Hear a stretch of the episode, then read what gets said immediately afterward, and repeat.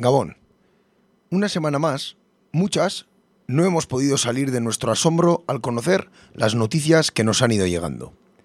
Si bien vivimos en un país en el que las últimas décadas nos han acostumbrado a las noticias más inesperadas, esta semana ha confirmado que aún mantenemos la capacidad de sorprendernos.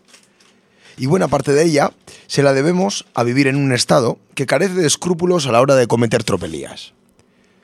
Los consellers del legítimo gobierno catalán, que se presentaban en la Audiencia Nacional, eran encarcelados en las cárceles de Extremera y Alcalá Meco por la misma juez que hace un año encarceló a los jóvenes de Alchazú. Además, eran humillados y llevados de mala manera por los agentes que los trasladaban del tribunal a la cárcel. Mientras tanto, el presidente de la República Catalana, Carles Puigdemont, y cuatro de sus consellers se encuentran huidos en Bruselas a la espera de ver cómo evoluciona la euroorden de detención que se ha cursado contra ellos. Llegados a este punto, parece bastante claro que el Estado español está dispuesto a rebasar todas las líneas que sean necesarias para liquidar la República Catalana. No cuenta a priori con ninguna oposición interna de peso, por lo que tiene las manos libres para actuar a su antojo. El apoyo explícito de la mayoría de los partidos de la oposición a sus actuaciones y la actitud comedida y espectadora de los que se dicen la verdadera izquierda no hacen más que empeorar la previsión de los hechos que vayan a ocurrir. Por su parte, la Unión Europea hace alturitas y se retrata una vez más como lo que es, un proyecto en el que lo que prima no son los derechos de los pueblos, de las personas, ni la justeza de las causas, sino su peso económico y su conveniencia política en un entramado en el que no es bienvenido si se contraviene lo establecido. No son tan lejanas las imágenes de aquella plaza del Maidán de Kiev, en la cual la Unión Europea no tuvo ningún problema en aceptar y apoyar un golpe de Estado por parte de una coalición mayormente de extrema derecha contra un gobierno legítimamente elegido. Por eso, esta semana es de vital importancia para Cataluña. El éxito de la huelga general y de las diferentes movilizaciones convocadas para esta semana serán determinantes en ese pulso entre el pueblo catalán y el Estado. Como serán también las muestras de solidaridad que Cataluña reciba desde fuera de sus fronteras. Y en este contexto de recortes de libertades y represión, era encarcelado este pasado sábado el conocido tuitero de Amurrio, Alfredo Remírez, más conocido como R. Arría, por el mero hecho de haber denunciado la dispersión con un muñeco de cartón durante las fiestas de su pueblo hace 12 años y haber escrito en Twitter. Este encarcelamiento es una muestra más del alcance que la represión del Estado puede llegar a tener y de la gravedad de la situación en la que nos encontramos. Que el hecho de estar acostumbradas a barbaridades de todo tipo no nos haga menospreciar el alcance del momento crítico para los derechos de todas en el que nos encontramos. Aquí empieza Gaureur. Guten Tag, meine Damen und Herren. C'est la lutte contre le terrorisme.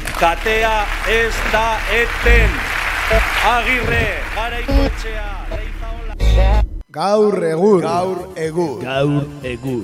Jolasten eta enredando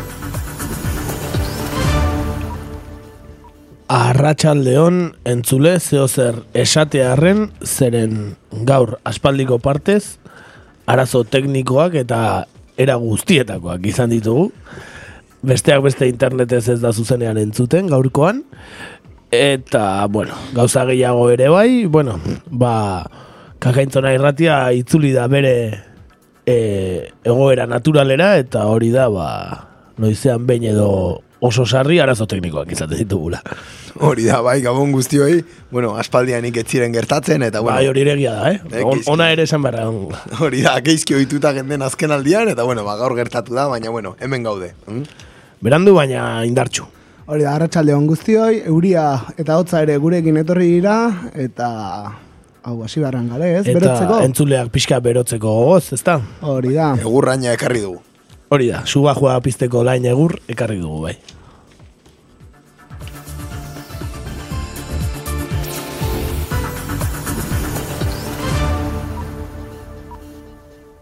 Bertan gaur. Beno, eh, esan genuen, aste honetan, ez genuela Katalunia eta hitz egingo, eta, bueno, trampa txiki bat egin dugu.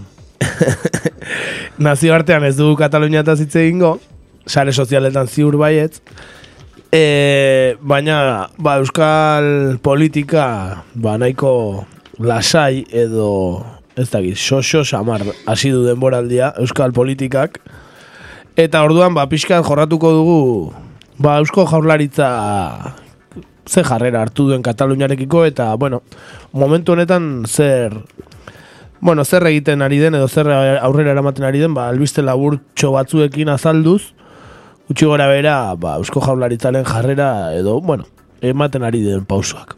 Hori da, eh? ez da, makal izaten ari izaten ari dan jarrera, eh? nahiko argia izaten ari da, baina, bueno, guk gaur, ba, ba, bueno, gerta, gertakarietara joko dugu. Hm? Hori da, lehenik eta behin zein, ba, azken asteko albistea izan dela, Espainiako gobernuak kupoaren eta kontzertuaren legeak onartu dituela, ba, genekien akordio batera aspaldi iritsi zirela, baino ez da kasualitatea, aste honetan e, e, iragarri duela Espainiar gobernuak, e, onartu duela parlamentuak, eta eta aurrera joango dela, ba, ba kupoaren eta kontzertuaren negoziazio berriaren e, ba, emaitza, ezta? Hala da, bai, biak, bueno, Espainiako gobernuak eta Eusko Jaurlaritzak adostu zituzten, bai, eta orain, ba, bueno, diputatuen kongresura eta senatura bidaliko dituzte, ba, bertan eh, berresteko. Ministroen kontseiluak aurreko estiralean eman zuen pausua, beraz, hitzarturik zegoen, baina gobernu zentralak estatuko aurrekontu orokorren negoziazioari bultzada eman nahi dionean gertatu da. Madrilek e, jeltzalen babesa lortu nahi du, eta, ba, bueno, behar du, eh, kontuak aurrera ateratzeko. Legearen barruan eztabaidatuz, leialtasunez eta elkarrenganako errespetuarekin gauza asko desberdin ulertzen dituzten erakunden arteko akordioa posible dela aprobetsatu zuen ba Montoro ogasun ministroak Kataluniako gatazkari erreferentzia argia eginez eta Euskal Herriari edo Euskal Gobernuari berriz leialtasuna eta elkarrenganako errespetua adieraziz. Hala izan zen, konkretuki kupoaren e, bost urteko legea onartu du Espainiako gobernuak, e, 2000 mazazpi, 2000 hogeita bat eperako, e, Euskal Autonomia Erkidegoak e, estatuari ordaindu beharko diona zenbatzeko formula jasotzen du arauak. Bestalde, kontzertu ekonomikoaren legeak aldaketa ezberdinak ere bilduko ditu. Bi esekutiboen arteko legea adostuak direnez, e, ez dute zuzenketarik aurkeztuko kongresuan eta senatuan. Montororen ahotan, biak onartu eta 2018ko urtarrilaren batean, bilabete baino gutxiago barru, indarrean izango dira. Kupoaren zenbatekoa mila irureun milioi eurokoa da urtero, baina hori oinarri bat baino ez da izango. Izan ere, kupo likidoa Euskal Autonomia Erkidegoak benetan ordainduko duena aldatu egiten da urtetik urtera aplikatzen zaizkion kontzeptuen eta deskontuen arabera. Beno, ba, lehenengo albiste laburra, akordiora aspaldi iritsi ziren, oraintxe jarri dute martxan, Beno, ba, Kataluniak bideo bat hartu zuen, Eusko jaurlaritzak eta Euskal, Eusko alderdi jertzaleak, ba, nahiago izan du ba, negoziatu eta eta paktatu, ez, e, gobernu Espainiar honekin, gainera, eh? alderdi populararen gobernu Espainiar honekin dudari gabe, gainera hor ez dago zalantza izpirik, eh, azkenean eh, komentatu dugun bezala, eh, parlamentuan ez senatuan, ez da inungo enmendakina egongo, oza, adostuta go guztiz, eh, bueno, alderdi populararen eta EAJaren artean, eh, ba, bueno, eh, negoziatutakoa, eta eta aurrera, aurrera, eta segurazki, eh, honen inguruko gogo eta, eh, ba, bueno, EAJaren aldetik etorriko da, eta izango da, gure Euskal Autonomia Erkidegoaren baldintza ekonomikoak e, hobetzeko bidean hartutako erabaki bat dela, ez? Bai, horri horietan, harri eta garbi geratzen da, nola izan zen inkonsiente nik e, sakatu nuen botoia e, nahi gabe jolasten, eta jolasten eta enredando, nik ez da gino den, Euskaraz, e, ba, botoiarekin eta kaskosekin, baina... Ba, hori xe, eh, bai, ba, badirudi bozkatu zutela baten batek, ba, jolasten eta enredando, ez? E, gogoratu beharko genuke, kupoa kupoa eta kontzertuaren negoziazioan hau eta kontzertuaren legea onartzea eta bar, e, bueno, gehienek adirazten dutela dela Euskalderdi jeltzaleak Madrileko aurrekontuak onartuko dituelako edo edo aurrera eraman tenut lagutuko diolako alderdi popularrari. Dudare gabe, honek kontrapartia badauka, eh? seguraski izango da eh, aurrekontu horiek onartzea. Aurrek urtean bezala, hasi garaia eh, ezetz esateko epoka horretan, hau da, ezezkoa, ezezkoa, ezezkoa errepikatzen da, eta gero azkeneko astean, ba, bueno, baiezkoa manifestatzen da bozkaren bidez, ez? Eta EAJak, eh, ba, bueno, peperen aurrekontuak, eh, eh, bueno, ba, apoiatzen ditu. Hori da, beraz, e, bueno, EAJak e, al, bueno, albiste hau salduko du, ba hori, Euskaldunontzako ongizaterako ona dela, beti ere, ba, ekonomia delako, ba, Euskal Alderdi Jeltzalearen oinarri nagusia, politikaren oinarri nagusia, ba, ekonomikoa da, ez, ekonomikoki, ba, aurrera egiten duen herria nahi du izatea Euskadi, beretzako Euskadi dena, ez dakigu zer sartzen duen Euskadi hortan, Baina, bueno, ikusten dugu negoziatzen ari dela e, gobernu batekin, nun beste herrialde, ba, gure arazo antzeko dituen herrialde bat, kasu honetan Kataluniarekin, egiten diren, ari diren guztia, eta gero, ez da? Bai, oso, ez, nire iritzia palean oso komplikatua dakate politikoki esplikatzea nola aldituzten aurrekontu hauek e, aurrera atera Katalunian gertatzen ari den guztiarekin. Oso injustifikablea da edo ze impactu bai bai alderdi popularrarekin noski, baina baita ere alderdi sozialistarekin, ez? e, Euskal, e, Euskal gobernuan gertatzen den bezala. Bai, aurreko astean genioen bezala, ba, badirudi alderdi regionalista bat dela. Ez da, zeren batzuk esaten dute diruak ez daukala aberririk, nik uste batzue, nik uste alderantziz dela, batzuen aberria dirua dela. Ez dela berdina. Bai, hortik doa, ez gehiago, ez nazionalismoen kontua, azken aldi, bai. Política y tomate y ajo y pimienta. En general son los platos bastante sazonados. Bueno, sí, bastante sazonados. No tenían berza, ¿eh? Arzayus no tenían berza. ¿eh? Como con Lemoiz. Eh, bigarren albistera pasako gara. Horrea. Piskat labur egitearen, ba, bigarrena berriz, ba, legebiltzarrak espetxetako kudeak eta eskatu duela ia hau batez. Hau zergatik dakarkigu, ba, hainbeste tan saldu diguten estatutoa, Gernikako estatutoa, ia berrogei urte onartu zela, bete gabe dagoelako. Orduan, aiga, gobernu batekin negoziatzen ari da Euskal gobernua, ez? Espainia gobernuakin ba, Kataluniako egoera guzti honetan, ekonomikoki akordioetara iristen dira, baina orain berrogei urte e, ezarritako estatuto, autonomia estatutoa, berrogei urtean oraindik bete ez duen gobernu batekin negoziatzen da, ezta? Efectivamente, kompetentzi pillo bat, ez, daude oraindik, eh, bueno, transferitzeko, eta, eta, bueno, aspaldiko kontua da, hau, ez, eh, oso, bueno, betiko kontua da, hau, ez? Mhm, bai, Betian- estatutoa ez dala, ez dala betetzen, ez? Ez dala oso Hori da. tasunean eh, betetzen, beno. Ba, horrela, horrela, azken berroi urteak eta ez dakigu oraindik eh, EAJaren... Gitze epe dagoen e, aurre ikusita hori bete arazteko, ez? Bai, edo estatuto berri bat etorriko den hau bete aurretik, ezta? Nor Ez, eta beteko ote den estatuto berri hori ere, inorek ez daki. Kontua da, espetxetako kudeak eta Eusko Jaurlaritzan esku gera ia eskatu duela ia hau batez Eusko Legebiltzarrak. Bai, espetxe sistemaren inguruan, Gernikako estatutoan, ageri dena betetzea eta eskumen hori Euskal Autonomia Erkidegoko gobernuari transferitzea galdegin diote EAJ, EH Bilduk, Elkarrekin Podemosek eta PSek Espainiako gobernuari. Hala, bi gobernuei egin diete lehen bailen asteko negoziazioak bitariko batzordean akordio baten bila. Elkarrekin Podemosen ekimenez ez da gaia izan da hau, ez du EAJak eman, eh? Ez da EH Bilduk ere. PP ez gainerako taldeak prest agertu dira e, proposamenaren inguruan akordio zabalagoa lortzeko eta erdibideko zuzenketa bat hitzartu dute, bai, ura da azkenen aurrera egin duena.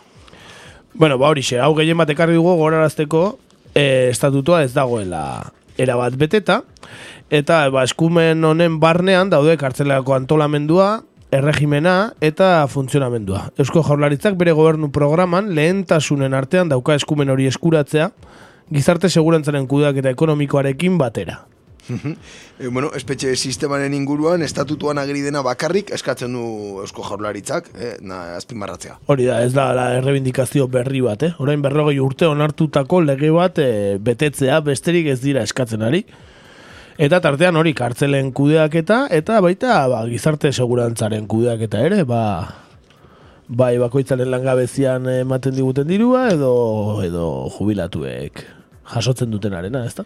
Ba, Hala da, bai, esatea, e, bueno, bestalde beti egon dela asunto hori, e, Katalunian espetxe, espetxeen kudeak eta adibidez, bai generalitatearen esku, eh, egon dela orain aspaldi. Bai, Bai, baina ez daukate kontzertu ekonomikorik. hori da. Bai, beti egon da hor pixkate, ez? eh, Hemen bakoitzak floja berean. Ba, eh, bueno, eh, ba, diru- ba, gauza askotan katalanek agian autogobernu gehiago zuten Euskaldunok baino, Espainiarekin, baino diru kontuetan ez. Hortan, katalanak daukate fama, baina hemen negoziazioetan Bai, dirua, dirua oinarrian jartzen dutena, ba, irudi Euskalduna garela, eh? Dudari gabe, bai, eta hor, analizatzekoa, espetxen, bueno, akordio guzti hauen barnean, espetxen kudeak eta e, Eusko Jaurlaritzari, e, ba, bueno, ez, transferitzen baldin mazaio, e, bueno, nahiko argi ikusten dut, EAJ atera ezagen etekin politikoa oso handi izan daitekela, ez? Pazifikadore edo, bueno, ba, espetxe hauziaren konponketan pieza nagusi bat izatearen klabe hori izan dezakela, ez? Bai, bai, bueno, ez dakigu, eh, ze jarrera hartuko den eh, presoekiko, oraindik eh, EAJak eh, dispertsioaren kontra dagoela dio, baina ez du inolako aurrera pausorik ematen legalki edo, ez, parlamentutik ez da hor dago bakegintzarako ponentzia famatu hori. Baina hortik aurrera ez dakigu gehiago, hori bai, espetxeena ekartzen badute, bestela ere badaukate zubietan kartzela egiteko proiektua, ez ezaguna aztu. Hori ere egingo dute, eta kudea, berake kudeatzen badute, ba, ba hobe, be- hobe seguruenik ez nahiago izango dute. Bai, egia da, azken aldian ere ez, EH Bildu berak eskatu duela, ez, e, e, bueno, transferentzia hori, ez, e, kudeaketaren transferentzia hori, baina e, ezin dugu aztu azkenean Euskal Presoen hauzian, ez, e, dagoen faktore oso importante bat ere, dala audientzi nazionalean dagoen zaintza epaitegia. Bera dalako, e, presoen dispertsoaren, graduaren eta abar luze horren inguruan e, erabakiak hartzen dituena. Hau da, nez eta transferentzia hemen egon, erabakiak audientzi nazionalean hartzen Noski, eta ez baldin badaude Euskal Autonomia Erkidegoko kartzeletan Euskal preso politikoak, ba ba ez dute jasango EAJaren kudeak eta hobea edo okerragoa edo izango dena. Hori da, eh, gauzak pixkat, ba, bueno, zuzentzea harren. Mhm. Baina, bueno, ba, adibidez, errearria, ba, basaurin sartu dutela, ba, ba, ba ikudeatuko luke AJak. Basauriko espetxea, ala modukoa dela entzun, dut, eh, entzun izan dut beti, eh? eh Euskal Herriko espetxak orokorren, ez? EAJak kudeatzen ez duelako, eh, izango da, seguruenik.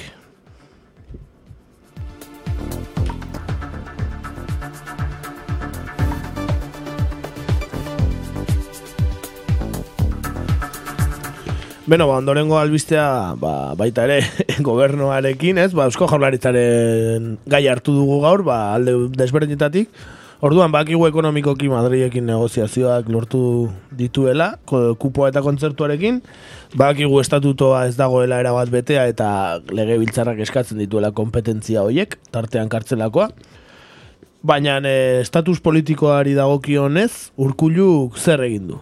Bueno, urkullu kebekera joan da, ezta? Bai, Bale, hori izan. beti, beti erakutsi edu preferentzia kebekeko ba, egiteko eran, ez? Bai, autodeterminazioan edo, bueno, hango gar, e, garbitasun legean eta abar, ezta? Beti eukidu preferentzia, bueno, ba, garai hauetan Katalunia eta zita egiten horretan, ba, egin du, pixka Patxi Lopezena egin du, eh? Patxi Lopezen treneko ura. Hori da, ez? Bai, bai, Patxi López ez, ba, hor Chicagoan zaneko, ez?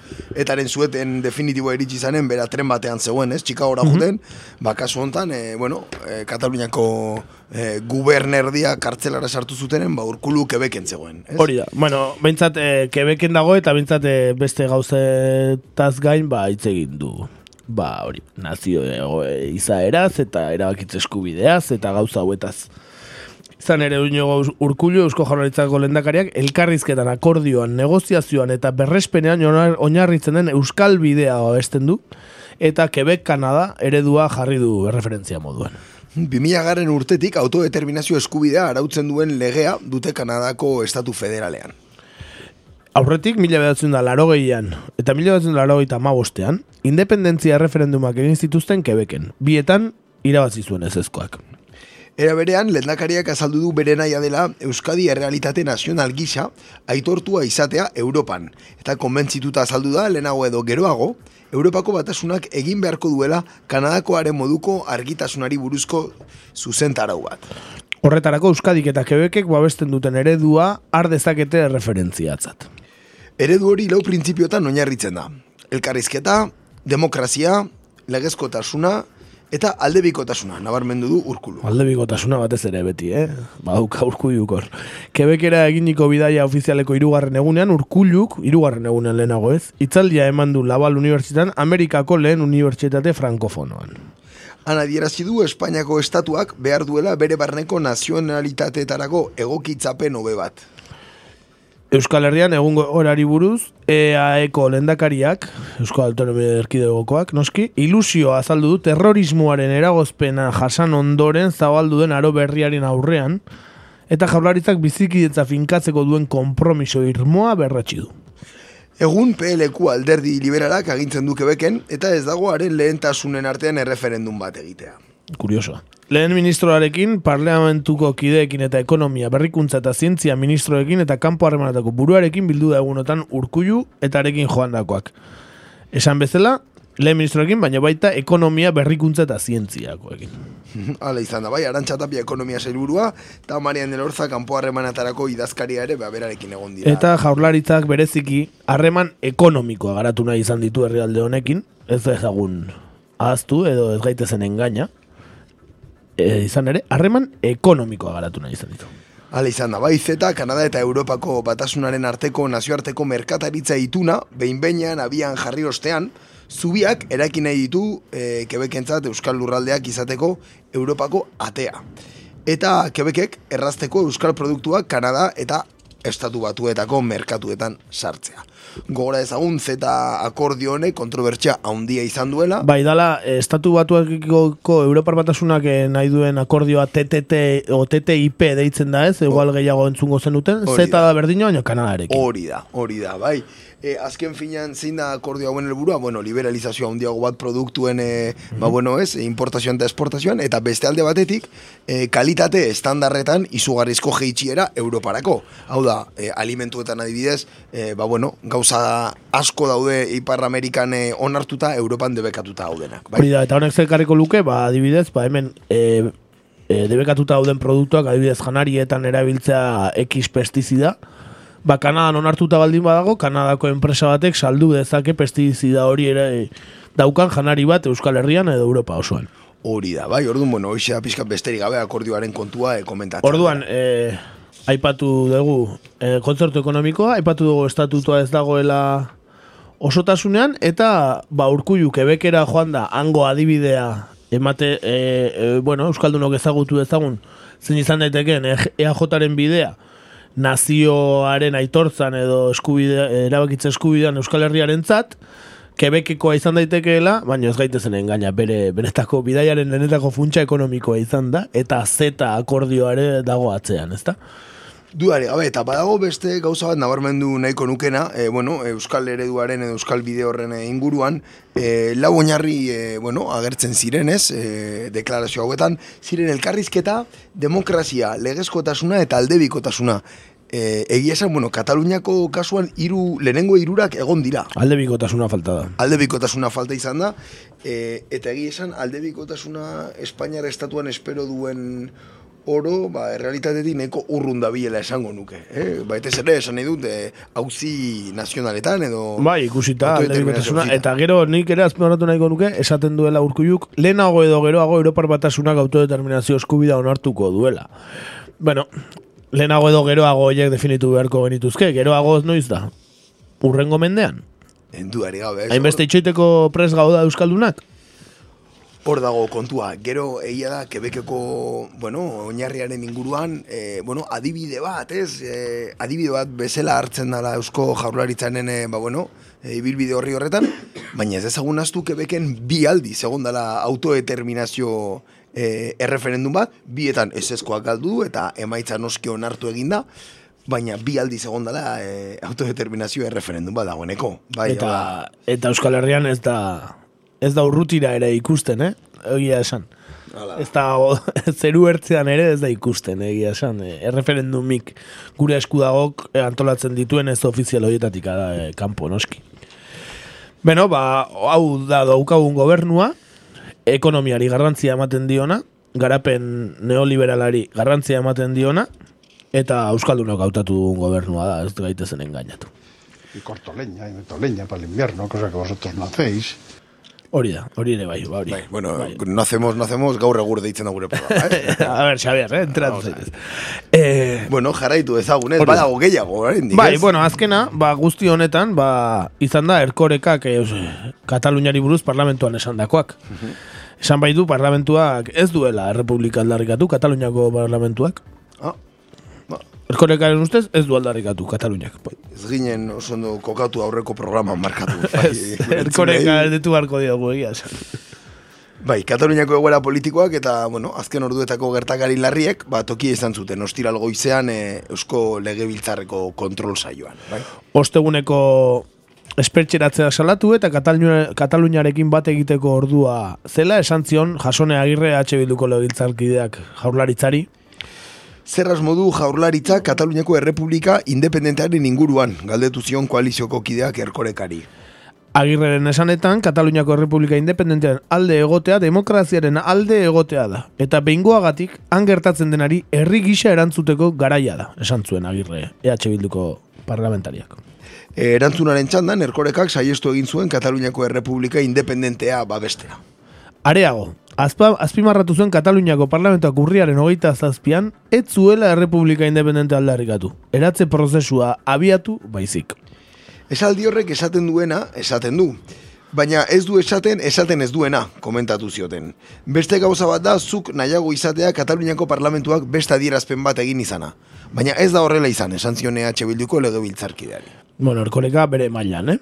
Esaldia historiarako, esaldi horrek esaten duena esaten du, baina ez du esaten esaten ez duena. Oso, Bai, erderara hola, azkar batean itzultzeko gai ez naiz, baina izango zen pixka, cuanto mejor, peor, y cuanto usted mejor, peor, mejor. Bai, Horrelako bat, ez? edo es el alcalde el que decide el pueblo, el vecinos, alcalde. bueno, bai, holako bat da, bai. Atatzen dio lako noizen. Del Colacao Party. bai, bai, el Colacao Party. Erkorekaren ustez, abenduaren hogeita betuko hauteskundiak dira orain Kataluniako agenda politikoaren lehentasuna, la alde, horrat, alde horretatik, jaurlaritzak errespetua agertu zen Kataluniako eragilek hartzen dituzten erabakiei. Osteguneko espetxeratzei dagokienez, erkorekak salatu zuen auzitegi nazionaleko epaiaren erabakia, neurri gabea, zentzu eta kaltegarria izan dela. Beno, ba hau da, Kataluniarekiko jarrera gobernu, ba, euskal gobernutik, ez, eusko jaurlaritzatik. Bai, egia esan nahiko gai eh, espinosoa izan da, ez? Eusko jaurlarintzaren zan, nire ustez, eh, egia da bi alde, bi alde uki dituela, ez? Bi aldetatik atea zaizkiola arazoak, batetik alderdiak berak izan duen, eh, ba bueno, posizio ideologikoagatik azken amar urte hauetan, ibarretxe planetik ona egondako, ez? Ba, ba, ba bueno, eh, bai, bi, bi aurpegi horiek, eta ez? Hori da, bai, noraino iritsian orain, eta bestalde batetik, gogora ezagun PSE-erekin dagoela gobernuan, eta PSEek eh, egun da berrogeita magost artikuloa babestu duela. Orduan, bi arazo euki ditu, egia da prozes guzti honen barnean EAJ oso inkomodo egondala hasieratik, e, proposamen bat jaso zuen, masen aldetik, Artur Mas oraindik e, ba bueno, presidentea zanen, ez, generalitateko presidentea zanen, eta eta argita garbi ez eskoa eman zioten. Bai, masek eh, eskaini zien, fronte komun bat egitea, koordinazio bat egotea, eta guzti hau bi herrien artean egitea, eta, ba, bueno, ba, urkuluren gobernuak ez eskoa eman zion, eta, bueno, ba, hemen ikusten dugu, e, nun dagoen urkuluren gobernua, eta nun dagoen Puigdemonten gobernua. Bai, e, alde bikotasuna nahi du urkulluk bai edo bai, e, alderdi popularrarekin negoziatzen ditu aurrekontuak, baita kupoa eta kontzertu ekonomikoa. E, esan beharko genuke, EAJ ba, beti bezala, abil dabilela beraien negoziazioetan, Oso habil, bai, bai, duari. berriro ere aprobetsatzen ari dela momentua, ez ezagun aztu e, alderdi popularra minorian dagoela, minoria handian gainera, eta ba, bea, ba, ba azkeneko babak eltzetik ateratzen ari da, etor da tekenaren susmopean, ez? Zeren adibidez, Ciudadanos bat gobernuan sartuko baliz, aspalditik ari da Ciudadanos kanpaina egiten, bai kontzertu ekonomiakoaren kontra, bai e, ba, Gernikako estatutuaren kontra, ez, ez zentralistago, diskurso oraindik zentralistagoa dauka Ciudadanosek alde hortatik, Beraz, bueno, ba, EAJ berriz ere, ba, negoziazioetan az- azkeneko, azkeneko harrapatzen eta aprobetsatzen momentu politikoa bere interesetarako, nire ustez, e, Euskaldunon interesetarako baino gehiago. Bai, egi esan, gero, e, bai, kupoataz eta kontzertu ekonomikoataz hitz egiten danean, e, bueno, normalean e, lortzen dan ataz hitz egiten da, baina lortzen ez den ataz ez da hitz egiten.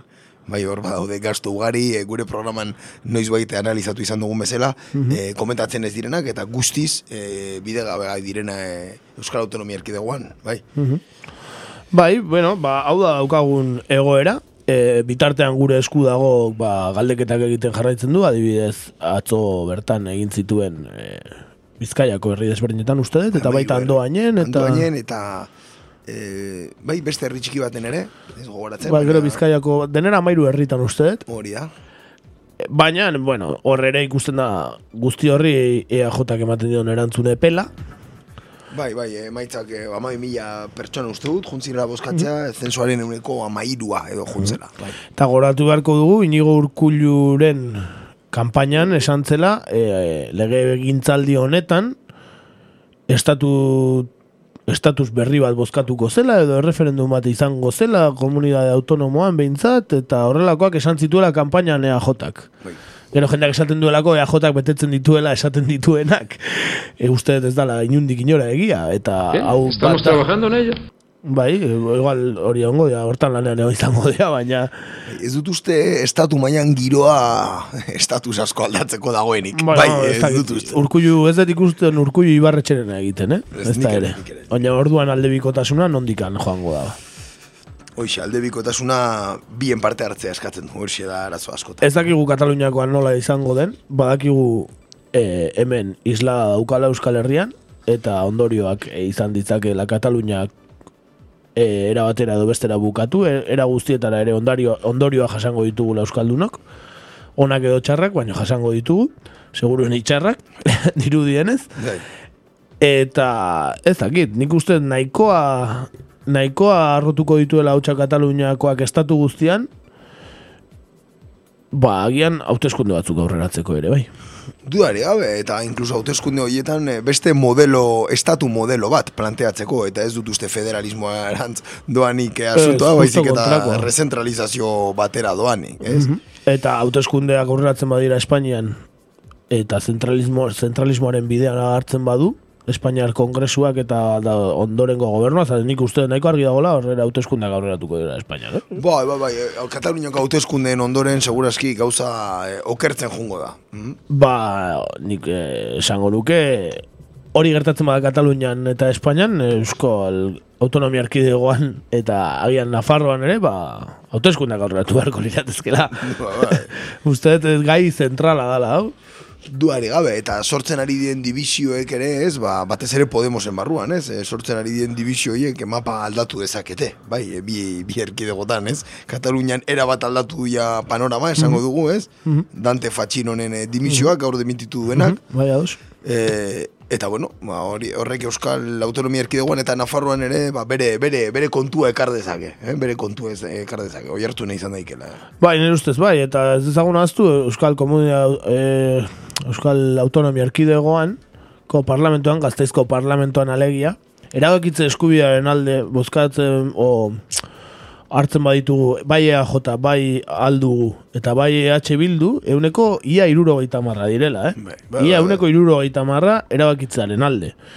Beraz, pentsatzen dut, eh, nahikoa majoria badela, bazen Kataluniako egoeran, ba, egozte zaie ez daukatela nahikoa majoria. Uste dut, Euskal Autonomia Erkidegoan behintzat, erabakitzeko eskubidearen aldeko majoria handia dagoela, absolutoa. Dudare, gabe, agian kontua da, e, bueno, ba ez dagoela hain erabakitzaren eskubidearen alde, ez, oixe, Ez, Hemen eh, praktikan ez da asko ikusten, ez? Maio- Maioria hori ez da ez da lanean jartzen esango dugu, ez? Bueno, a ber, eh, ze zirriborro dakarren urkullu kebeketik, Hori da, hori da ikusi beharko, a ber. eta horixe, e, jarraituko dugu honetaz zizketan, zatik nazioarko gara Euskal Herria eta zizketan gaur egurren. Duari gabe. Eta badago zerritze egin, eh? Badago zerritze egin. Badago bai, naiz eta bari durien ez dala gasko moitzen, bueno, atzetikan egongo da, movimendua egongo da, eta hemendikan abenduaren hogeta batera, Kataluniako hauteskundeetara ere movimenduak egon barko dira Euskal Herrian, eta batez ere hauteskunde horien ondoren. Duari gabe, beraz hori. Adi egongo gara eta jarraipena egiten jarraituko dugu duari gabe. Hori da. Ba, zati honekin amaitzeko abestitxo bat, ekarri dugu, e, kaskezur talde naparraren azpizugeak abestia, E, nik aukeratu eta bestia, ba, alde batetik talde berria delako, aurten atera diskoa, oso disko ederra, netzako urteko euskal diskoa izan daiteke. Ni behintzat asko entzuten eta oso gustora, eta hau da bere jita. CD ere aspizu geak deitzen da, eta hau da, ba, esti, bueno, ezagunen egin dena edo.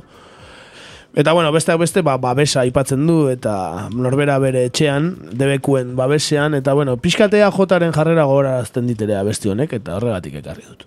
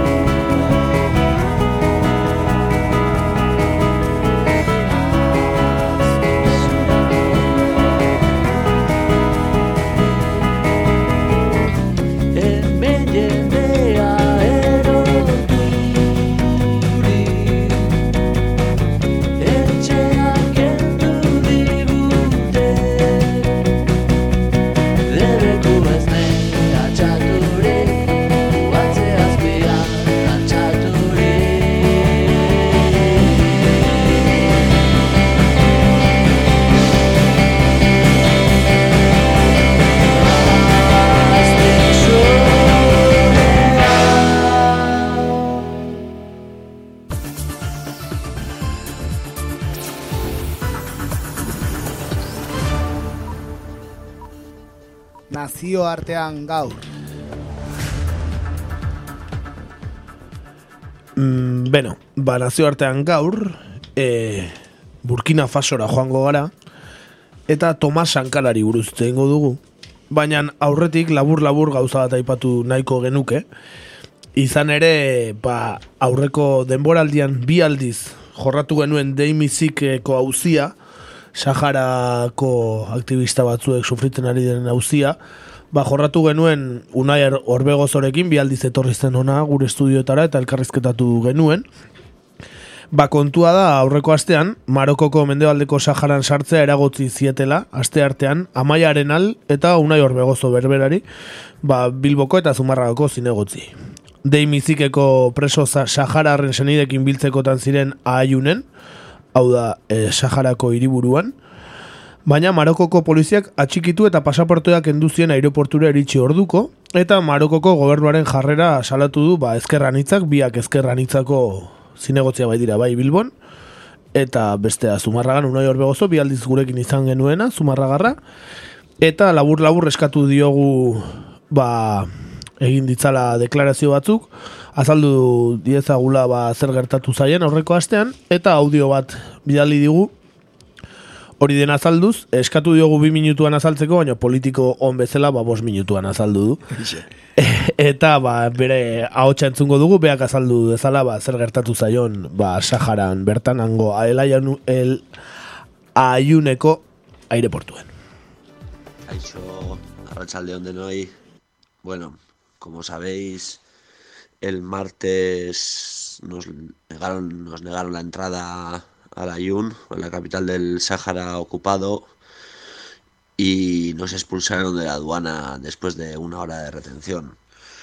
Nuestra idea era acudir a reunirnos con varias asociaciones pro derechos humanos del Sáhara Occidental, así como volver a encontrarnos con las familias de, de las personas que están presas en el macroproceso de Demi Chico, y como sabéis, fuimos como observadoras internacionales al juicio, las diferentes vistas, y nuestra intención era, pues eso, eh, hacer el seguimiento de cómo se encontraban las familias, hablar sobre los presos, sobre su situación, etcétera. Sabíamos o nos esperábamos en prácticamente la totalidad, en gran medida, lo que iba a pasar, ¿no? O sea, que íbamos a ser expulsados de, de zona ocupada. No sabíamos si íbamos a lograr ni siquiera bajar del avión o llegar hasta la aduana, hasta el checkpoint, o solo, o sea, o si nos iban a permitir cruzar y a las horas que se diesen cuenta con quién estábamos reunidas, pues expulsarnos, ¿no? Al final eh, fue, digamos, la opción intermedia, la que era la más probable, que consistió en que llegamos al aeropuerto internacional de Layún, bajamos, bajamos del avión y nos dirigimos al checkpoint. En ese momento entregamos nuestros pasaportes, así como la tarjetita que hay que rellenar, explicando de dónde provenimos, a qué es lo que vamos al Ayun, dónde vamos a ir alojados, en cuál es nuestra ocupación, nuestra, eh, pues, nuestra labor, tanto allí como nuestra ocupación aquí en, en Euskal Herria. Entonces, eh, bueno, ya una vez rellenada la ficha y entregarla con el pasaporte enseguida parece que le saltaron las alarmas, ¿no? Vieron que estábamos fichados por haber estado eh, de observadores en el juicio y enseguida se acercó, se acercaron como ocho, ocho gendarmes eh, marroquíes y bueno, nos retuvieron allá, nos estuvieron preguntando preguntas constantes. En ningún momento eh, nos agredieron físicamente ni nada, sí que fueron muy pesados, eh, nos observaban muy detenidamente dos de ellos, otros dos nos hacían preguntas, etcétera. Fue una situación muy incómoda, pero, pero bueno, nada que nos pueda sorprender, ¿no? De, de la, de la policía marroquí sabiendo pues que somos observadores y que no nos podían hacer nada, pero bueno, que por lo menos nuestra estancia ya no fuese, no fuese cómoda. Tuvieron allá, nos tuvieron tres cuartos de hora, pasados una hora prácticamente, nos preguntaban información, nos preguntaban nombres eh, de activistas del Sáhara Occidental, nombres de activistas del Ayun, de la capital, Nosotras en todo momento dijimos que no conocíamos a nadie eh, por no por no incriminar a nadie, por no meterles a nadie en el ajo y que luego vayan a por ellos. Entonces logramos que bueno que tampoco insistieran demasiado al final eh, mm, se veía que les dábamos largas una y otra vez eh, nos preguntaron a ver si íbamos de turistas, les dijimos que no, que íbamos por trabajo, que queríamos ver con nuestros propios ojos la realidad que vive, que vive el Ayun. Y, bueno, eh, después de unas gestiones y un poco de teatro que hicieron, pues bueno, nos, nos cogieron, nos escoltaron hasta un avión que salía dirección Gran Canaria y nos obligaron a subir al mismo, nos entregaron en ese momento, en el momento en el que llegamos, subimos al avión, nos devolvieron los pasaportes ya dentro del avión y, y un billete un billete a cada uno de ida a, a, Gran Canaria. En ese sentido, pues bueno, al ser una una expulsión en caliente, ¿no? Como, pues como hacen con, con inmigrantes, digamos, irregulares, y con irregularidades legales en, territorio español, así como en todo, prácticamente en todos los países, cuando se trata de una expulsión en caliente, pues el, el Estado se hace cargo del, del, billete, del billete de vuelta. Eh, por lo tanto, pues eso, llegamos, una vez llegamos a, a Gran Canaria, ya nos estaban esperando del Ministerio de Territorios Ocupados para que para que bueno para que hiciésemos unas declaraciones. Tú, nos hicieron varias llamadas de periodistas de público del diario.es etcétera. Y bueno decidimos eh, salir de allá en el primer vuelo a Bilbao que, que, saliese y, y fue lo que hicimos no un poco en busca de esa, de esa relajación después de 48 horas de, de estrés entre los preparativos, ir, que nos expulsen. Y bueno, todo el tema de los medios, pues bueno, ya nos volvimos y, eso. Muchas gracias por, por acordaros, por el apoyo que, hemos recibido, tanto a Maya, la, la que fue observadora también conmigo, como Bueno, ba hortxe, e, unaien hitzak, e, ba horixe, gertatu zitzaiena, jarraipena egin diogu deimizikeko gaiari eta ba seguru aski aurtengo denboraldian ere izango du bere tartea eta agian ba unai bera ere etorriko da beste egun batean. Hori da, bai badakigu hor kontaktua, ez, ba, badaukagula berarekin, ez, bera dago auzi hori nahiko zuzenean jarraitzen. Bai, jasana alia ere alkarrizkatu genuen iaz, eta, bueno, bere kontaktu ere baukagu, berriro, ba, gauza berriei buruz eh, galdetzeko. Duari gabe, beraz, bueno, ba, ba Saharari ere gure jarraipena egingo diogu. Eta, bueno, ba, Afrikan gelditzen ez, nos quedamos en, nos quedamos en África. Sí, un poco más al sur y un poquito más al este, pero Eso no mucho, es. ¿eh? Tampoco está tan lejos. Eso es, ¿eh? lo que hemos comentado, pues bueno, hoy vamos a viajar otra vez hasta África ¿eh? para hablar de, de, unos, de uno de los personajes más relevantes de la historia contemporánea de África, pero eh, bueno, también de su propio país, sí. El caso es que, bueno, hace escasos 15 días se cumplieron 30 años del asesinato del presidente de Burkina Faso, Thomas Sankara, a manos de un entramado político y financiero instigado por la antigua potencia colonial francesa. Hoy vamos a recorrer la que fue la vida del apodado Che Guevara africano y la historia de Burkina Faso. Thomas Sankara nació en el año 1949 en la colonia francesa del Alto Volta. Eh, era hijo de Marguerite y Sambo Joseph Sankara, ambos de confesión católica y económicamente muy humildes. Eh, en relación a su padre, eh, hay que decir que, bueno, volvía de lejos, ya que luchó con el ejército francés durante la Segunda Guerra Mundial y fue capturado por los nazis, aunque logró salir con vida de sus manos, por lo cual el padre de Thomas ya tuvo unas experiencias vitales muy extremas, vamos a decir. Con la, República Francesa ¿Perdona? Perdona, que no se oía arazo técnico que demora oro. Eh, la República Francesa, que tanta libertad, eh, igualdad y fraternidad promulgaba, pues en África parece que no. Eh, porque los franceses y su ejército llegan hoy y se conoce como. eh, a los que hoy se conoce como Burkina Faso a partir de los años del año 1890 y se establece como potencia colonial. Así es, sí, es más, durante la Primera Guerra Mundial, muchos de los habitantes de esa tierra eh, fueron obligados a combatir con el ejército francés, en el que además fueron tratados como seres inferiores. como esclavos. A partir de 1919, Francia constituye la colonia del Alto Volta, en lo que hoy es el territorio burkinabés, burkinabés ¿así se dice? Efectivamente, sí, el territorio de Y, Burkina y Faso. no solo Burkina Faso, sino también Mali y más sitios, ¿no? Porque creo que la capital del Alto Volta era. Era la capital de Mali ahora, Bamako. Bamako, sí, efectivamente. Que ¿no? estamos oyendo un poco de Amadou en Marian, que es grabado en Bamako, en Bamako, ¿no? En directo de Bamako. Eso es la música que nos acompaña de fondo, eh. Amadou de Marian, sí. Bueno, en 1960 y bajo la estricta supervisión de Francia, el Alto Volta se convierte en país independiente inscrito en la ONU. Tras seis años de gobierno de Maurice Yameogo, este se ve obligado a dimitir por una masiva huelga sindicalista.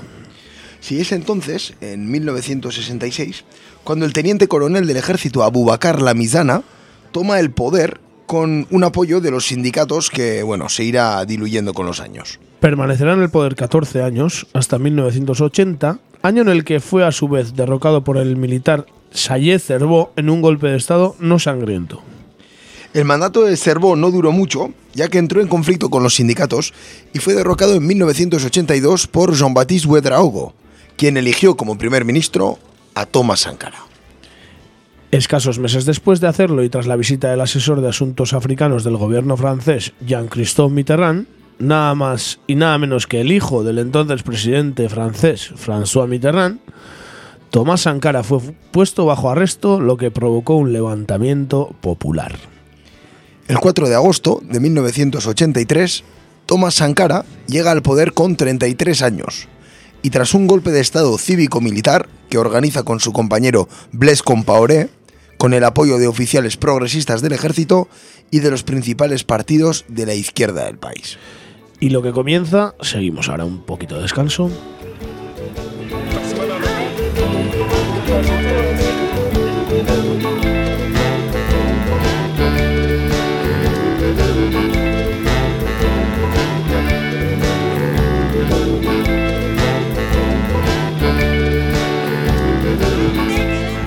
Y cuando llega al país, ¿qué comienza? Pues comienza una de las experiencias políticas más fructíferas para las y los habitantes de un país africano. Así fue, Sankara se empeñó desde el inicio en erradicar la corrupción que corroía a su país, como otros tantos países africanos, y los tribunales populares revolucionarios fueron una pieza clave para ello.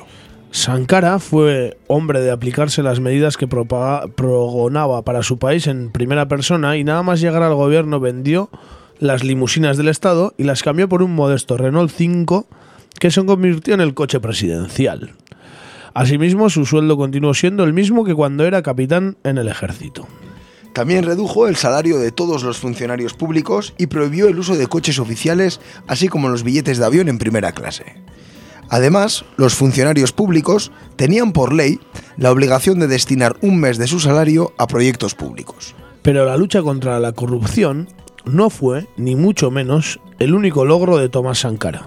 La igualdad entre hombres y mujeres fue una de sus mayores prioridades y dictó leyes contra la ablación, contra la poligamia, contra el matrimonio forzoso e incorporó a mujeres en los altos cargos de la administración del país.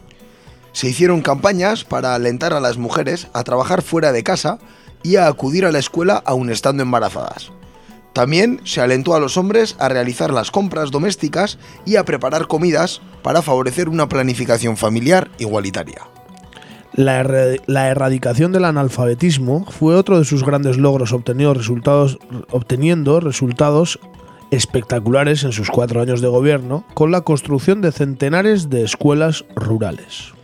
En el campo de la sanidad, puso en marcha los conocidos como comandos de vacunación, que se encargaron de vacunar a millones de niñas y niños en todo el país, con a menudo la ayuda de voluntarios venidos de distintos países.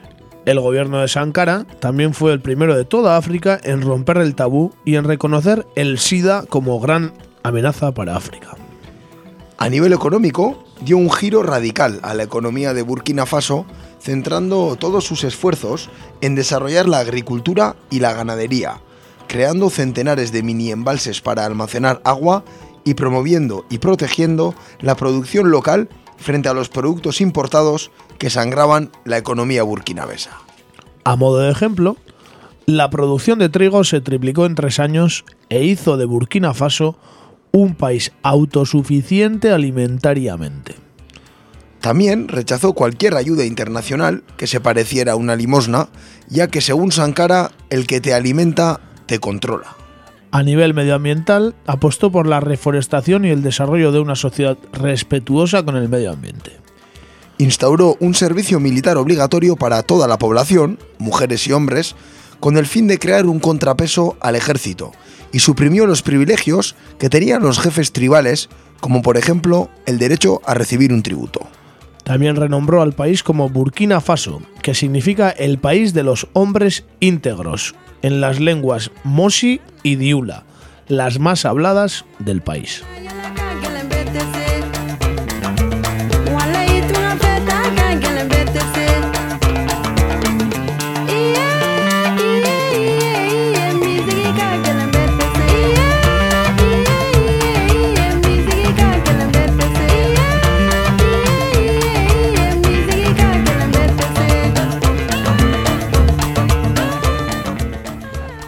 Todas estas medidas fueron llevadas a cabo contra el criterio del Fondo Monetario Internacional y el Banco Mundial, pero también contra el de la Francia de François Mitterrand, que le cortaron de forma repetida el acceso a los créditos necesarios para el desarrollo de su programa revolucionario. Por otra parte, los enfrentamientos entre Thomas Sankara y el presidente francés fueron muy sonados. Sankara era de oratoria contundente, con un estilo humorístico pero certero, y esto le despertó muchas simpatías en un continente donde nunca se había conocido a nadie con su perfil. Durante la única visita oficial que Mitterrand realizó a Burkina Faso en 1986, Thomas Sankara no dudó en recordarle en persona y en un discurso público su pasado colonial, así como el empeño de Francia en seguir manteniendo el control sobre los recursos naturales africanos. Tampoco faltó en recriminarle las técnicas utilizadas por Francia para ejercer el control político sobre el continente africano mediante jefes de Estado corruptos y sumisos. A principios del año 87, Burkina Faso recibió la visita de Fidel Castro, con quien Sankara mantuvo estrechas relaciones desde varios años atrás. Además, durante la era de Sankara, varios programas relativos a la sanidad y la educación fueron desarrollados junto al gobierno cubano. En julio de 1987, Tomás Sankara pronunció un discurso ante la Organización para la Unidad Africana en el que reivindicó la anulación de la deuda de los países africanos y propuso la creación de un Frente Unido de Naciones Africanas para hacer frente a esa deuda. En aquel famoso discurso sostuvo que los pobres y los explotados no tienen la obligación de devolver el dinero a los ricos y a los explotadores. Fue su último discurso con proyección internacional.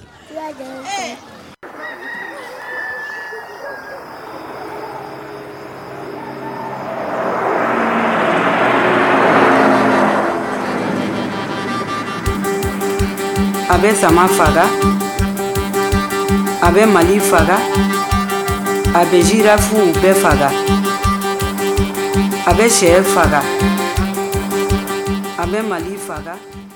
El 15 de octubre de 1987 se inició un golpe de Estado organizado por Blaise Compaoré, uno de sus más cercanos colaboradores e íntimo amigo de Sankara desde años atrás.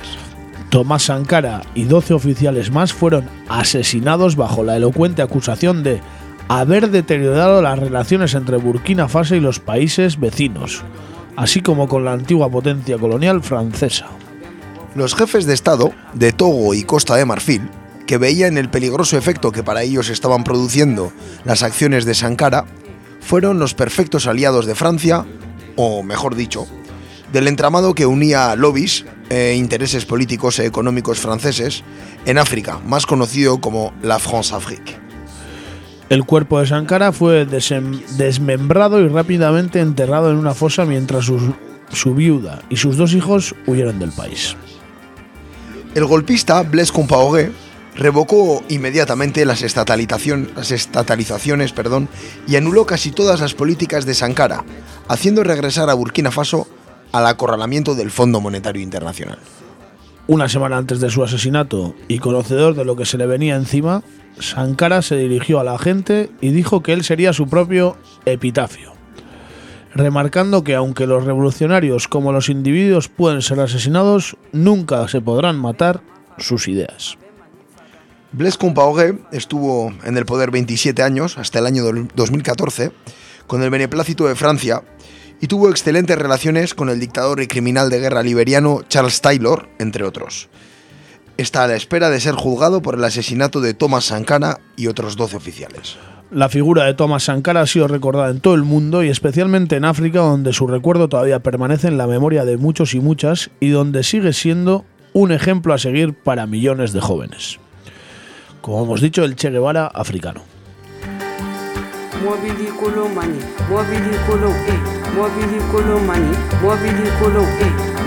kolo mani eh.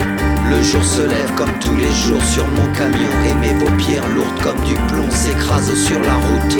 Le long des longs camions sauvages, le monde est mon camion sauvage.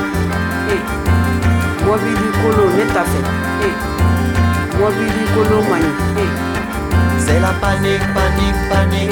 Sur le périphérique, panique, panique, panique. Économique, c'est la panique, panique, panique. Sur le périphérique, panique, panique, panique. Trop de trafic, c'est la panique en Afrique. Panique en Amérique, panique aux fanatiques. Tactique, tactique, c'est la panique, panique, panique. Sur le périphérique, panique, panique, panique. Trop de trafic. Ebe yala yala, yala yala, ka denmisɛnninw faga Bueno, el caso de Tomás Sankara, que bueno, una vez más vemos el poder que tiene pues el Fondo Monetario Internacional y pues Europa y bueno, vamos a decir el imperialismo, ¿no? Pues sí, así es, ¿no? En este caso, pues bueno, la, época de Thomas Sankara fue una de las más bollantes, vamos a decir, para un país africano. Sencillamente porque fue una de las pocas veces en las que un país africano se valió por sí mismo y no tuvo que someterse al chantaje del FMI, al chantaje del Banco Mundial, al tema de la deuda externa. Es decir, en muy poco tiempo, en un plazo de tres años, se consiguió crear un país autosuficiente eh, a nivel alimentario, pero también a otros muchos niveles. Sankara siempre, pues bueno, eh, presumía de ir vestido de la cabeza a los pies, con ropa hecha en Burkina Faso, por gente de Burkina Faso, con materia prima de Burkina Faso, y pues quizás el cambio fue, fue tan brusco que acabó como acabó, ¿no? Sí, fue tan brusco que pues a muchos no les gustó porque claro, no podía haber causado efecto en países limítrofes o bueno, de todo el continente africano, ¿no?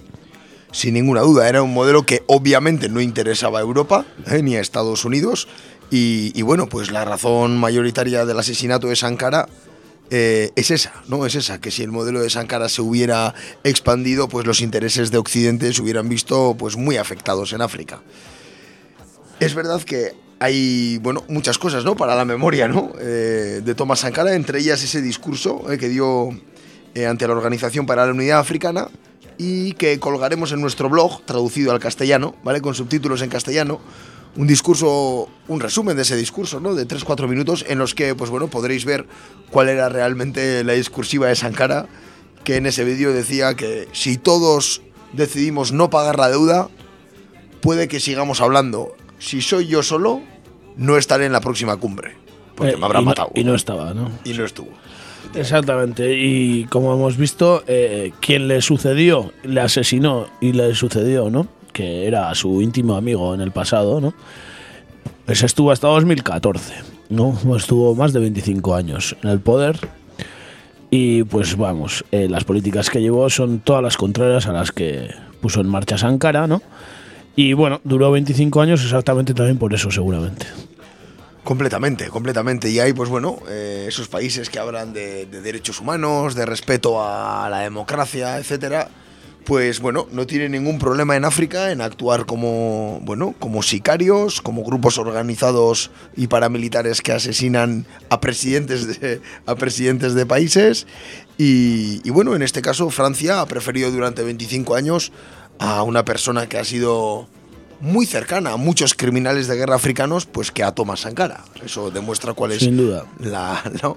la, la altura ética de, de Francia y del gobierno francés, con todos los partidos incluidos. Y como el capitalismo en su bueno, en sus fundamentos básicos, el capitalismo necesita a gente con gran poder adquisitivo y otros muy pobres, tiene que desnivelar la balanza para que esto funcione. Pues África es el vertedero del mundo, es la mina del mundo, es la huerta del mundo, es todo del mundo a favor de- del primer mundo, ¿no? Y bueno, viven en la mayor miseria y, y además cuando sale alguien con la legitimidad de llevar hacia adelante su país de una manera digna, pues se le asesina directamente. Efectivamente, y se le asesina además eh, al más puro estilo sicarial. No tuvieron ningún problema Francia y su entramado, la, lo que se llamaba France Afrique, que es donde estaban las empresas que, bueno, que siguen teniendo. La France Afrique sigue existiendo, ¿no? Todas esas empresas que tienen intereses, las petroleras, las empresas mineras, las, todas esas empresas francesas que se dedican a la extracción de materia prima y al expolio en África. eh, bueno, tienen un lobby muy poderoso montado y tienen muchos gobiernos colocados a dedo. Eh, ha ocurrido en Costa de Marfil, eh, en Burkina Faso, ha ocurrido en República Centroafricana, en Mali, en Chad, etcétera, etcétera. ¿no? Hay un montón de países. Pero claro, cualquiera dice que Francia no es una democracia, ¿eh? Una democracia ejemplar, ¿verdad? Eh, en este caso, el argumento peca de ignominia en sí solo porque todo lo que hemos comentado ocurrió bajo el mandato de François Mitterrand, que supuestamente fue el presidente más progresista de la historia de Francia. Sí, del Eh, Partido para, para muestra un Socialista botón. francés, ¿no? Eso es, para muestra un botón, ¿no? Bueno, se parece bastante al Partido Socialista Español también en ese caso, ¿no? Le gusta utilizar armas y o herramientas un poco oscuras para llevar a cabo su poder, ¿no? Sí, de hecho las relaciones entre ambos partidos fueron muy estrechas también en esas relaciones oscuras. Unos más que en su nombre llevan el- la palabra socialismo, ¿no? Aunque parezca mentira. Si, si algunos otros levantaran la cabeza, los de hace un un siglo, ¿no? Desde luego creo que queda bastante claro que en este relato el socialismo precisamente era el de Thomas Sankara y no el de François Mitterrand. ¿no? Está claro, ¿no? Y también hemos visto cómo tuvo colaboración con Cuba, que es uno de los pocos países que, bueno, se mantiene, vamos a decir, ¿no? En sus 13, aun con todo lo que le, hacen sufrir. Sí, Tomás Sankara estuvo en varias ocasiones en Cuba, estuvo cuatro o cinco veces, eh, tuvo muy una, una relación muy estrecha con Fidel Castro y con varios miembros de su gobierno, ¿sí? Y es verdad que ya, bueno, yendo, tirando a lo anecdótico, ¿sí? Eh, pues tiene muchos puntos en común con la historia de Ernesto Che Guevara. Pues bien por la edad en la que murieron ambos, que tenían alrededor de la cuarentena, bien por haber viajado mucho en motocicleta, que es algo común a estas dos personas, eh, y también a, la oratoria, ese discurso que a veces, ¿no? Pues es más bien, pues bueno, que tira de tira de esa picardía o de ese, de ese humor sarcástico, ¿no? Para decir cosas muy serias, ¿no? Eh, bueno, en el caso de Thomas Sankara, otra faceta más fue, fue la de músico. Era, tocaba la guitarra, tenía un grupo de jazz eh, antes de llegar a ser el, el presidente del gobierno. Y es más, él mismo compuso el himno de Burkina Faso. Letra y música. Sí. Bueno, le gustaba la autogestión totalmente, ¿eh? Efectivamente, sí.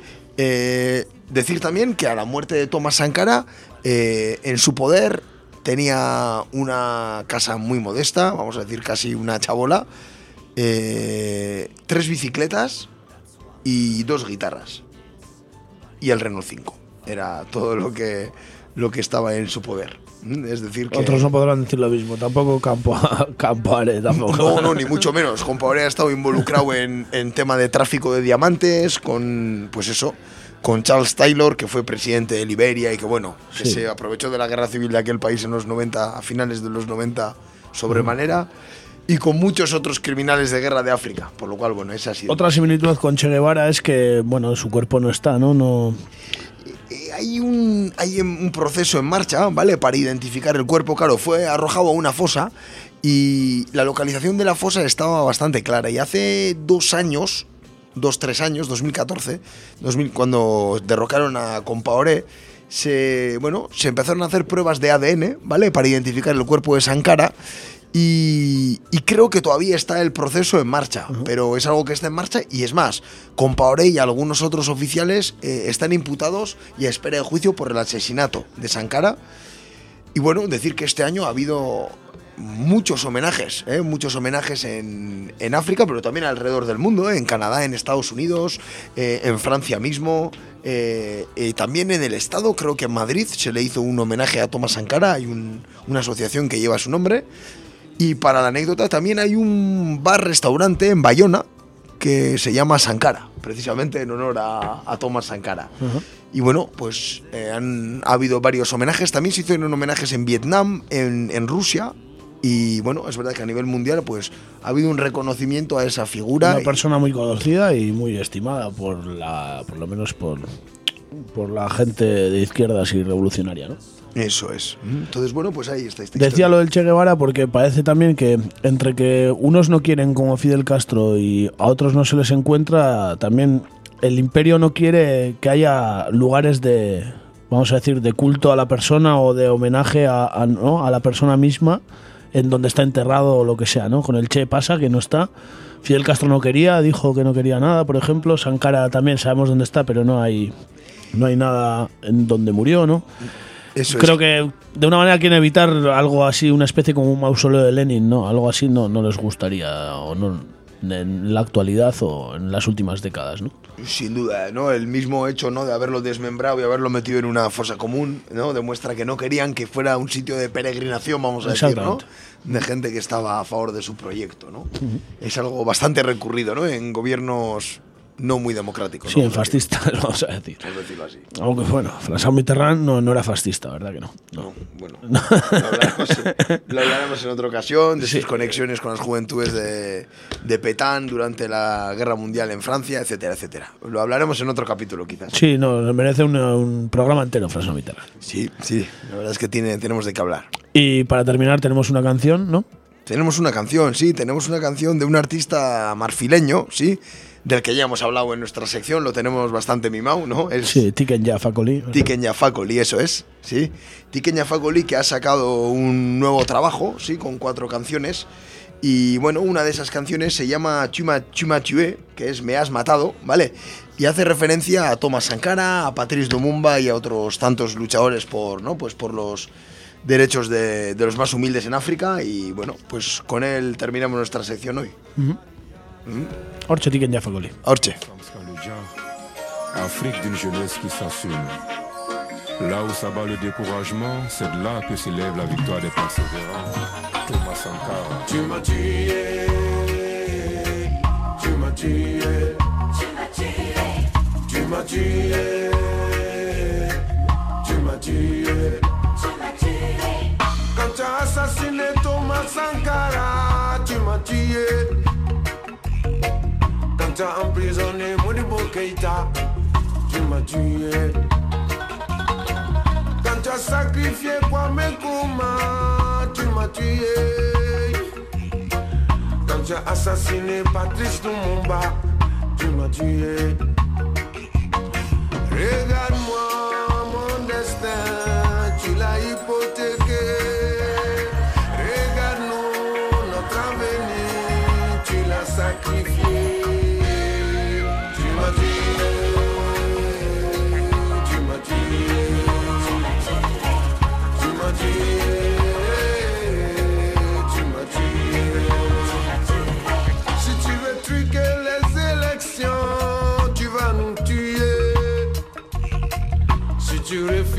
l'alternance, tu veux nous tuer. Si tu t'opposes à la démocratie, tu vas nous tuer. Si tu manipules la constitution, tu vas nous tuer. Regarde-nous notre destin, tu l'as hypothéqué.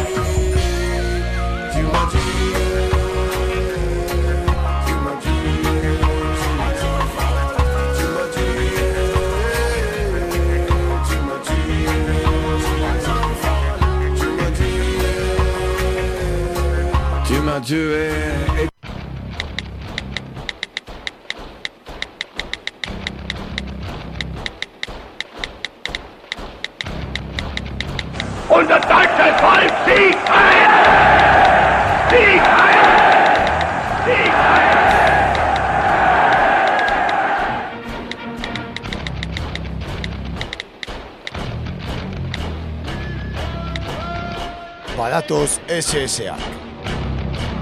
Sare sozialetan egur.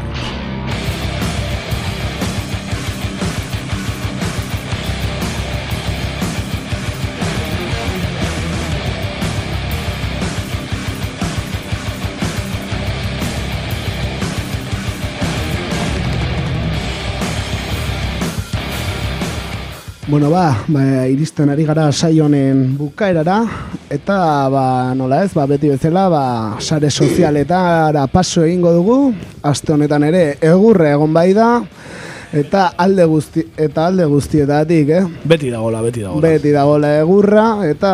Ez da falta, ez. Ez, ez da falta.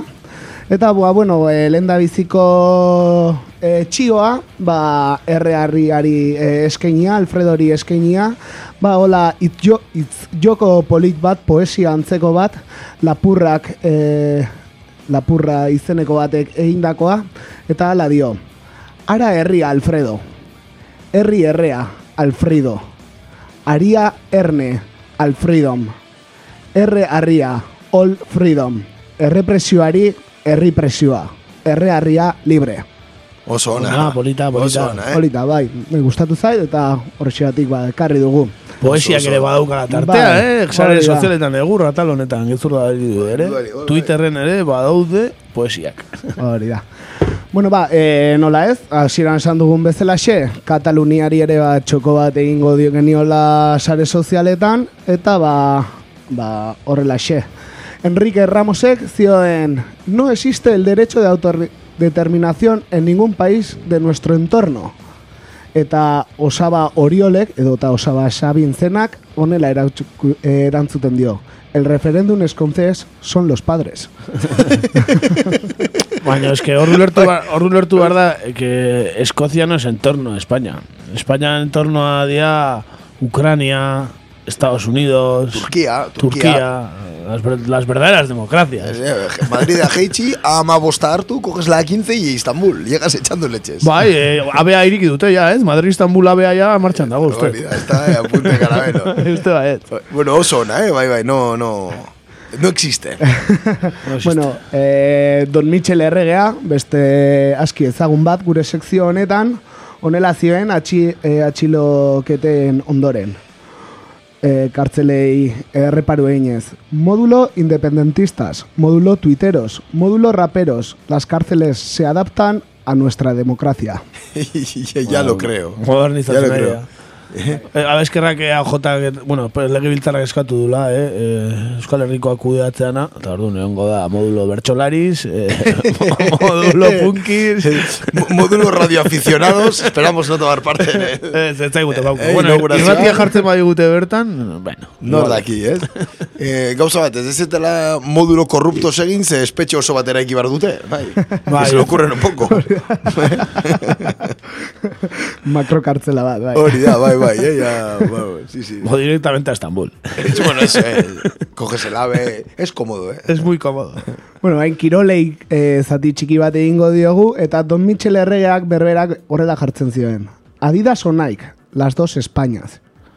Ez dakit enteratu zeraten, baina orain polemika dago futbolean, ba, Espainiako selekzioak eh, kamiseta herria atera du, Bai, bai, bai. Eta, eta naiz eta eh, egin dute duela urte batzutako kamiseta baten nahiko antzekoa, eh, estatu batutako mundialeko kamiseta... Mundial 90. Ari- Remember bat, da, eh? bai, Mundial remember bat. 94. Bai, da. Eta zera dauka, eh, dauka franja urdin bat albo batean, Bai. baina urrunetik franja urdina moratu ikusten da. Eta Ah, hortxe amigo. dago polemika. Ah, eta gorria eta horia eta moratua, ez? Hori da, hortxe sartu da polemika. Errepublikanoak. Hori da, Markak esaten du azul petroleo dara. Bueno, azul petroleo izango da gertutik ikusi, eta zenik urrunetik ikusi lehen hor telebistan, eta bai, bazirudie morea, ez? Bai, bai, dirudi morea, Bueno, bai. bueno, orduan fatxerio guztia asaldatuta, eh? Bai, bai. Asaldatuta, eta eta dendak Podemoseko jendeaz gainezka. Eta dire modun. Claro, claro, eta gero ze riegoren, eh, zera, himnoa jarriko diote, ez? Eh, behin jarri zuten, ez? Espainiako partido baten. Bai, eh. Australiako openean hor, Ah, hori da, jokatzen zuen. Nadale, eh? ez? Jarri zioten Errepublikako himnoa, ez? Trompetakin hasi zitzen, joder, besteako la behitu zuen, hor. Es una versión, ah, vale, vale. Una versión trompetera. Será de escape. Boitxe, kamiseta hori hori da, ez? Bai, hor dago, eh? Hor dago polemika, baina markak esan du federazioari bidali omen ziola, ez? Eta federazioak, bueno, baiezko borobila eman ziola. Muy bonita, muy bonita. Horregatik ikusi den gaur telebistan Pablo Iglesias, Espainiako selekzio kamiseta egin du, baino moratua. Hori beste bada. Hori beste bat hori ez da ofiziala. Ez da ofiziala, hori ere Es que- aterata dagoela komunistek eta... Ez da Es que flipa windet, zatio, zan, zan moraua gorria eta horia, Bai. eh, Espainiako selekzioko bezala, baino morean, ez, ola, republikano bezala, baino eskuduan koroa zeukan. Akoroa zeukan. Eskudu, eta esan dut, baina ze republikano klase da, ba, ber. Christmas edition. Christmas edition. eh, desde- Konfunditu intzian kolorea den da, ez fallo zeuken. Fallo. Ba, zuk eh, kuadrilla baskarirako kamiseta ateatzen dezu modun, ba, behaiek ateatzen dute behaiek kamiseta morea selekziona. Eta gero eskudua gakoroa aquí. Claro, eh. Hori da, hori da. Bueno, eta amaitzeko, ba, aski ezagun da, ba, asteburu honetan San Martin eguna izango dela, bagarrunak eta gauza horiek ez, eta bagarrunaren ostean, ba, ze etortzen dira, ez, ba, ambientea, ez, ambientea, atzealdetik ateratzen den ambientea. Ba, zurea izango da, ni bintzat ditu botatzen bat. Zure izango da, nik ambienta hori bat erosten dut. Eta ba, honen arira, ba, albiste nahiko xelebre bat, e, bilatu dugu e, Diario de Valladolidek ateratakoa, eta ba, nik uste ba, Benetan ikaragarria, bai, humore, bai, humore honez amaitzeko ba, gaurko saioa nik uste ba, tartetxo bat egingo diogula ba, honako albiste honi. Honela dio. El pedo de un hipopótamo deja tres hospitalizados. Tres ancianos que visitaban el parque de Cabárceno en Cantabria tuvieron que ser atendidos. Ninguno de ellos hubieran imaginado acabar ingresados a causa de las ventosidades de un hipopótamo. Pero así fue. Tres ancianos palentinos que viajaban con el inserso y visitaban el Parque de la Naturaleza de Cabárceno en Cantabria se vieron sorprendidos a causa de la toxicidad de los, de los gases que soltó de repente uno de los hipopótamos del centro y tuvieron que ser ingresados de inmediato. Cuando el grupo de viajeros estaba visitando las instalaciones del parque muy cerca del recinto de los hipopótamos, uno de estos animales soltó un enorme pedo que provocó que varias personas cayeran al suelo, al parecer a causa de esos gases. Benetan ikaragarria, eh. Ikaragarria, Ikaragarria, hipopotamoarena. Gezurra egia den, baino, uste, ba, oso. Benetan ikaragarria. Animalia arriskutsua. Ai, Kabartzen on San Martin aurrera bintzan, eh? Bidazte. Bueno, condenamos el pedo del hipopótamo, por supuestamente, antes de que nos Eh, caiga bai, el pelo. Eh, esan dezagun, esan dezagun eh, gaur egurrek denboraldi hontan eh, bidaia bat antolatuko duela kabartzen ora. Hipopotamo hori ezagutu beharra dago. Eta ba, etorri nahi duenak eh, ba, jarraitu baitala Twitterren eta pribatutik bidalu, bidali dezala mezu bat eta gero zabalduko dugu ba, noiz antolatzen dugu ba, petit komiten, ez, dugu, ez ditugu bi autobus bete nahi, eh? Hori da, minibus bat edo, bueno, kontraseña eskatzen bazaizu, akuna matata, eh? Da, kontraseña. Vive y deja vivir, eh, hipopótamo. Eta hori, eh? Eta hori, kabartona jogo gai hipopotamo hori Hori da. bai edo bai. Bakoitzak bere bokadilloa eta maskara eraman dezala, baina... Eta ies egiten laguntzen badiogu, ba, igual gazteizko parlamentuan edo utzi dezakegu, eh, hipopotamoa. Bai, zoze pentsatuko dugu, bai, bueltan, eh? O- eh? Inorre baino beto itzeiko. Seguro. bueno, gora kabartzeneko hipopotamoa. Bueno, haupa, eh? Gure, gure gorentziak bi hipopotamus hoiei, eh? Ba horixe. Hori da. Besterik. Ba, besterik ez. Ez da ba. gutxi izan, eh? Ez da gutxi izan, eh? Sare sozialetan egur, eh? Bai. Azte honetan. Eta, ba, azken abesti bat ere ekarri dugu. Eh, Sai gozu, ze abesti dokoagun. Hori da, ba, kabartzen horekin lotuta, San Martinekin lotuta, ba, asteburuan nahiko kabartzen izango dugu herrian ere, ba, San Martinak ospatuko direlako, eta ba, gero iluntzean, ba, kontzertuak izango dira gaztetxean, urretxu zumarragako gaztetxean, eta ba, bertan ba, joko duen talde bat ekarri dugu, Gorpuz Kings, Aha. Eh, Euskal Trapa. Hori da. Txuntxun brigadek ere jotzen du, Euskal Trapa ere bai. Hori da. Eta gero Jondi eta Gordon DJ-ak. Por cierto, Jondik eh, ostiralero hemen eh, kakaintzen irratian irratsaioa egiten duela, eh, musika teknoa jorratuz, ba, zuzenean ikusi daiteke larun bat hontan gaztetxean. Ba, gure Eta bergarako eh? txuntxun brigade, bergaran entzuten gaituztela, eh, gora ziko dugu, eh, Hori da, agur bero bat, txap- Egia. txapa irratiko entzulei. Hori da, bezarkada bat emendik. Beti bukarera gusten zaituztegu, eta, bueno, Bai, urrengoan- aurrengoan aurkezpenan esaten dugu, Hori eh? da, eh? Hori... Hori da, txuntxun brigade bajarri genuen duela irratsaio batzuk, eta horregatik, ba, gaurkoan, ba, gorpuzkin ekarri dugu, eta, ba, ba, besterik gabe, ba, guk, ai, amaiera emango diogu saioari, ez? Hori da, mila esker horregotegatik entzule, ondo pasa San Martinak eta kontuzi hipopotamoekin. Hori da, eh, argi bili horrekin, eta, bueno, ba, gaiztok izan urrengo aste arte. Hori da, ba, atorren astelenera arte, eta, ba, gorpuzkinen txinkotia abestiarekin utziko zaituztegu.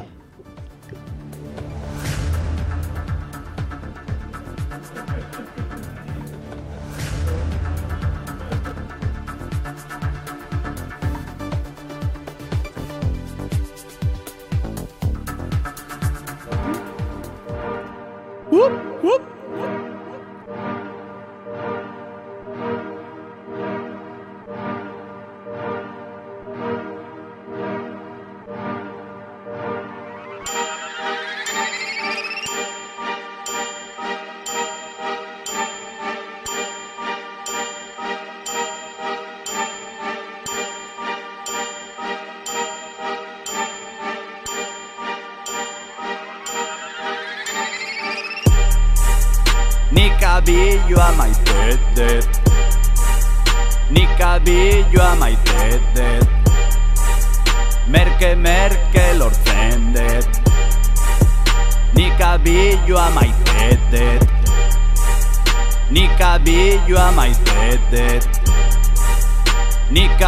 Abilloa maite dut Merke merke lortzen dut. Nik abilloa maite dut Deina gaztia izoro Merke lortzen du lolo. Mingain lozea bat duzu Txarraskatera eta pum pum. Gaztek dioten inaiz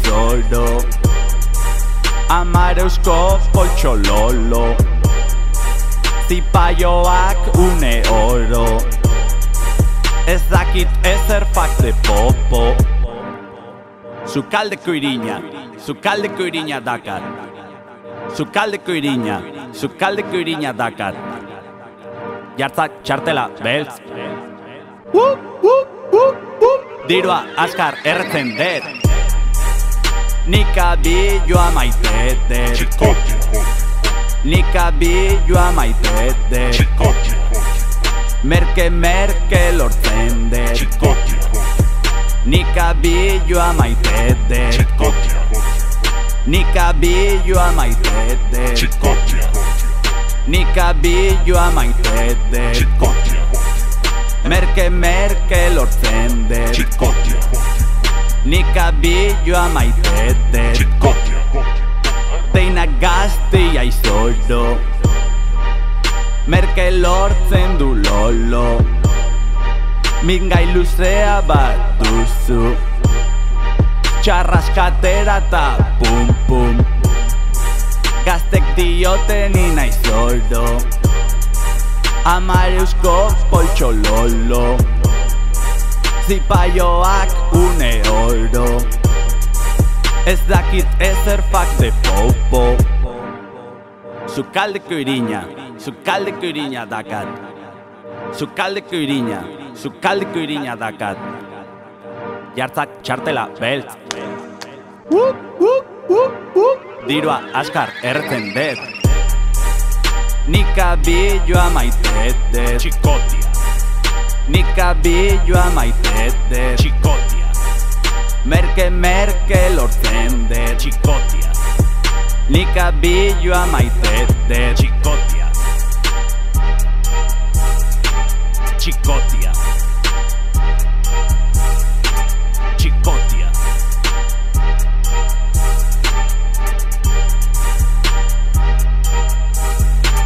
Chicotia